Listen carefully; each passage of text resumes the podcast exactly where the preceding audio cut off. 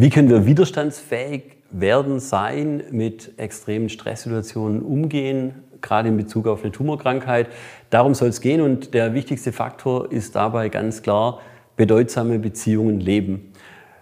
Darum soll es jetzt gehen. Und ich glaube, das Erste, was wir feststellen, ist, ähm, wenn jemand so in eine akute Krankheitssituation reinkommt, dann wird es ganz schön schwierig, Beziehungen zu leben. Ähm, viele Menschen, man, man geht zuerst mal ins Krankenhaus oder ist in einer ambulanten Therapie. Viele Menschen gehen nicht mehr zur Arbeit, nicht mehr zur Uni, nicht mehr in die Schule. Und man fliegt so aus diesen ganz normalen Alltagskontakten raus. Was als nächstes passiert, ist, dass natürlich so Freizeitaktivitäten häufig nicht mehr so gehen. Einer meiner jungen Patienten hat gesagt, ja, die rufen an und sagen, ob ich mitgehe auf den Fußballplatz, aber die Sachen, die die machen, kann ich nicht mit. Das heißt, mhm. ganz häufig ähm, ist es für Patienten während der Therapie einfach nicht möglich, so diese Kontakte im Freundeskreis so zu leben, diese Aktivitäten gemeinsam zu machen und braucht dann schon auch ein bisschen äh, Fantasie, Kreativität.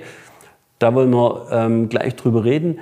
Was wichtig ist, ist zuerst mal das Problem als Problem anzuerkennen und zu sehen, es ist nicht automatisch so, dass ähm, bedeutsame Beziehungen einfach weitergehen, sondern die anderen sind auch zuerst mal verunsichert. Also dieser Alltag, der mich rausnimmt, führt dazu, dass Kontakte zuerst mal schwieriger werden, man sich nicht automatisch sieht.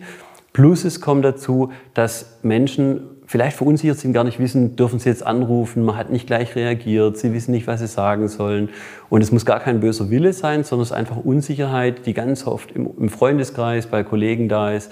Manchmal auch in der Partnerschaft, dass man nicht weiß, wie kann man mit der Situation jetzt umgehen, die dazu führt, dass Beziehungen sich eher automatisch distanzieren und es darum geht, wie können wir eine andere Richtung einschlagen, wie können wir auf die anderen zugehen. Ganz bedeutend ist dabei, dass wir ähm, dass wir das zuerst mal als Problem anerkennen, dass wir sehen, das muss nicht boshaft sein von den anderen, die sind nicht ganz üble Menschen, sondern die sind vielleicht nur unsicher, wissen nicht, wie sie reagieren sollen. Ähm, und wir es zunächst mal als Thema anerkennen.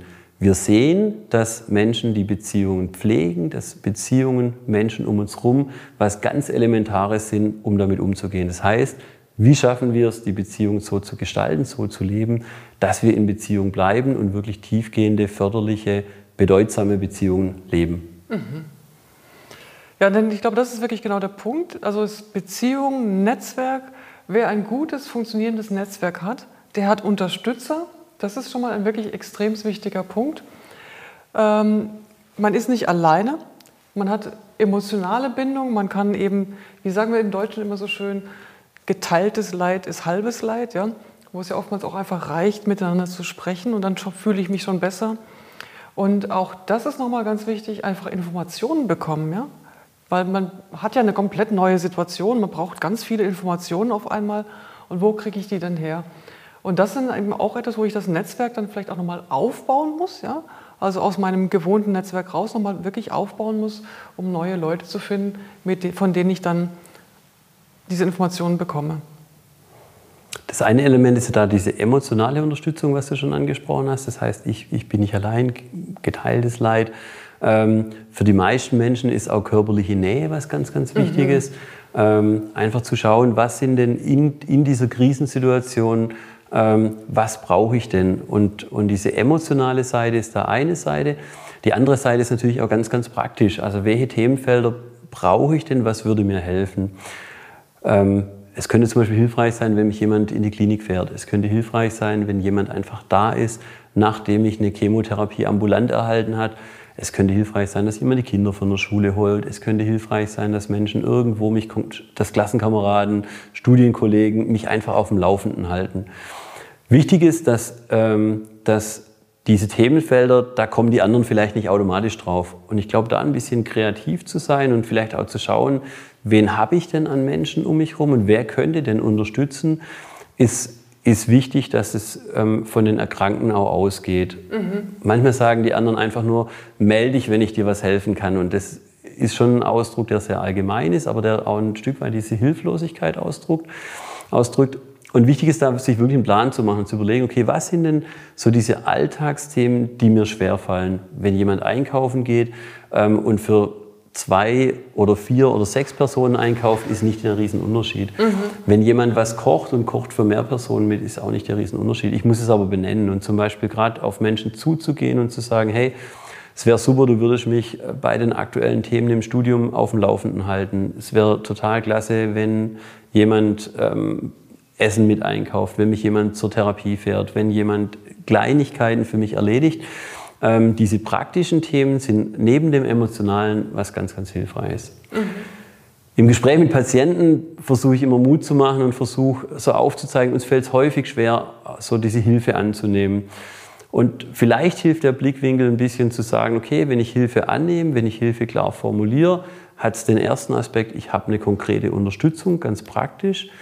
Und das Zweite ist, ähm, es macht die anderen nicht so hilflos. Also wenn Freunde da sind, die, die eine Lebenssituation als schwierig sehen, die leiden irgendwie mit, die würden gern irgendwas tun. Wenn die helfen dürfen, dann sind die nicht mehr so hilflos. Ähm, ich glaube, das ist der zweite Aspekt, der ganz wichtig ist. Und der dritte Aspekt, der, der nicht, ja, nicht zu verachten ist, der vielleicht sogar das Wichtigste ist, wir bleiben in Kontakt. Also wenn jemand mich irgendwo hinfährt, dann ist die Zeit unterwegs was ganz Wichtiges. Und selbst wenn jemand nur einkauft, dann sieht man sich kurz und sagt nochmal Hallo. Und ich glaube, diese drei Elemente helfen uns. Ich bekomme Hilfe, ähm, die anderen fühlen sich nicht so hilflos. Und zum Dritten, wir bleiben in Beziehung, sind ganz, für mich ganz starke Argumente, um zu sagen, ich nehme Hilfe in Anspruch und formuliere das auch, dass die anderen die Möglichkeit haben, mich zu unterstützen und wir dadurch in Beziehung bleiben. Mhm. Und der, der, dritte Aspekt ist extrem wichtig. Ähm, wenn Kollegen wir zum Beispiel das Essen vorbeibringen oder irgendwo Kinder von der Schule abholen, dann bleiben wir in Beziehung. Ähm, dann bleibe ich mit, mit einem Arbeitgeber vielleicht in Beziehung, weil, ich, weil der mich auch irgendwo unterstützen möchte, wie auch immer. Ich glaube, diese, diese Beziehungskontinuität, die durchbrochen wird durch die Krankheit, ähm, kann man dadurch ein Stück weit wiederherstellen und teilweise auch auf eine ganz andere Ebene heben. Also wir erleben, dass Menschen immer wieder sagen, irgendjemand anderes hat Hilfe angeboten, hat mich unterstützt. Ähm, da hätte ich gar nicht mit gerechnet, jemand aus der Nachbarschaft. Ähm, und daraus sind vielleicht ganz, ganz wertvolle Beziehungen entstanden, hat man Hilfe erfahren und ganz wichtige Menschen kennengelernt mit denen man gar nicht gerechnet hätte. Elementar ist vielleicht auch noch, ähm, um diese Unsicherheit, die bei den anderen vielleicht da ist, wie sie reagieren sollen, ähm, etwas zu mindern, auch auszudrücken, dass wir dankbar sind für Beziehungen. Mhm. Also, dass wir die Menschen brauchen, auszudrücken, dass wir dankbar sind für die Menschen um uns herum. Ähm, das erleichtert es uns. Keiner von uns will jemand anders auf den Keks gehen, ähm, keiner will irgendwie nerven und, und es kann schon sein, dass, dass die erkrankte Person nicht sofort reagieren kann auf eine Nachricht und dass man sich nicht sofort meldet. Und dann, wenn, wenn die erkrankte Person aber von sich aus dann auf die anderen zugeht und sagt, hey, ich, ich bin mega dankbar für, für dein Angebot der Unterstützung, die Beziehung zu dir ist mir extrem wichtig, lass uns lass uns irgendwie Sachen zusammen machen, lass uns trotzdem in Kontakt bleiben ähm, und dieses Hilfe annehmen in Themenfelder, die benannt wurden, ist da eine gute Möglichkeit, diesen Kontakt zu halten. Ja, Jens, jetzt hast du wirklich ganz viel zur emotionalen Unterstützung gesagt, aber auch zur tätigen Unterstützung, die natürlich super wichtig ist. Und ich glaube, was aber auch wirklich für äh, Krebspatienten ganz wichtig ist, das Thema Informationen. Ne? Wo kriege ich Informationen her? Ähm, wie kann ich, oh, da hast du auch schon mal ein bisschen angedeutet, aber auch das ist natürlich das Thema ähm, bei der Arbeit. Wie bleibe ich da auf dem Laufenden? Wie kriege ich da die Informationen her? Das heißt, man muss dann auch wirklich sein Netzwerk auch vielleicht dann wirklich ein bisschen auch neu gestalten, neu stricken. Ähm, jetzt Informationen bezüglich der Krebserkrankung, da gibt es natürlich die Selbsthilfegruppen, wo man auch hingehen kann, jetzt so nach Corona und Leute treffen kann, mit denen kann man darüber sprechen, was für Erfahrungen die gemacht haben, machen. Aktuell in ihrer Therapie kann man sich wirklich viele Tipps und Tricks holen. Äh, natürlich möchte ich auch gerne nochmal auf unseren äh, digitalen Informationsservice hier mit den Leukämie-Diagnosen hinweisen, dass man die Filme schauen kann. Ähm, aber auch bei der Arbeit, wo natürlich dann die Projekte gehen weiter, die Sachen gehen weiter, man selber ist nicht dabei, ist natürlich dann echt total wichtig, dass man da dann immer wieder versucht, auch mit äh, vielleicht auch gar nicht so unmittelbar nahestehenden Kollegen, aber mit denen Kontakt aufzunehmen und einfach zu wissen, wo steht denn das Projekt jetzt, was, was läuft denn da, Gibt es vielleicht auch einen Führungswechsel? Ja, das wäre natürlich dann, wenn zum Beispiel der Chef wechselt, während man gar nicht da ist. Ja, das sind ja wirklich wichtige Dinge, äh, die man unbedingt mitkriegen sollte. Und da lohnt es sich dann wirklich eben auch das Netzwerk durchaus nochmal neu zu gestalten, neu zu bewerten, eventuell wirklich neue Leute dazu zu suchen, auch vielleicht einfach mit Patienten, ja, Patienten, die eben eine ähnliche Geschichte jetzt durchmachen, dass man da guckt, ähm, ja, wo stimmt ein bisschen die Chemie, mit wem kommt man gut klar und wo hat man den Eindruck, dass diese Person einem wirklich gute Informationen geben kann. Wir erleben häufig, dass Menschen sagen, ich, ich habe irgendwie gar nicht so viele Menschen um mich herum, die mich unterstützen. Und ich glaube, dass das schon eine große Herausforderung ist. Ähm, da kann man so zwei Ebenen, wie man das angehen kann. Das eine ist, dass man sich wirklich nochmal hinsetzt und überlegt, sind da wirklich so wenig Menschen? Also nochmal zu überlegen, wen gibt es denn so in meinem weiteren Netzwerk?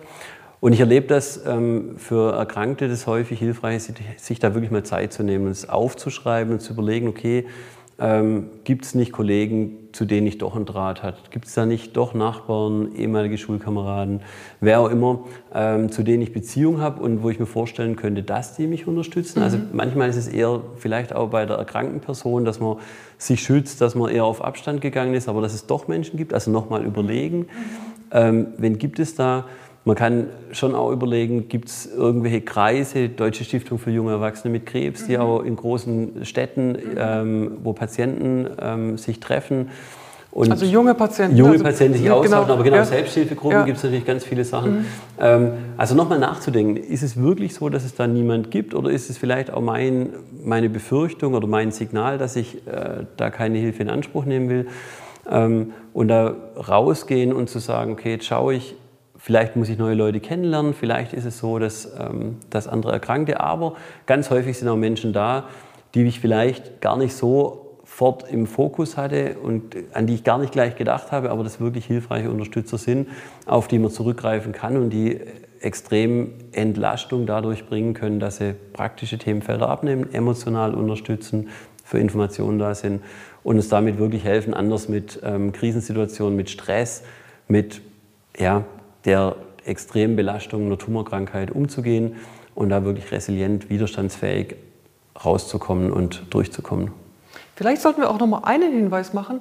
Wir haben auch schon drei Filme gemacht zum Thema Kommunikation mit Freunden, wie Krebspatienten mit ihren Freunden kommunizieren. Und ich glaube, die sind auch richtig wertvoll, weil da richtig tolle Tipps auch dabei sind, weil ja manchmal auch dann auch mit wirklich alten Freunden die Kommunikation ein bisschen schwieriger wird. Und da haben wir ähm, drei Filme gemacht, also mit Betroffenen, die dann einfach wirklich erzählt haben. Und ich glaube, die sind richtig gut. Da waren richtig gute Tipps dabei. Ne?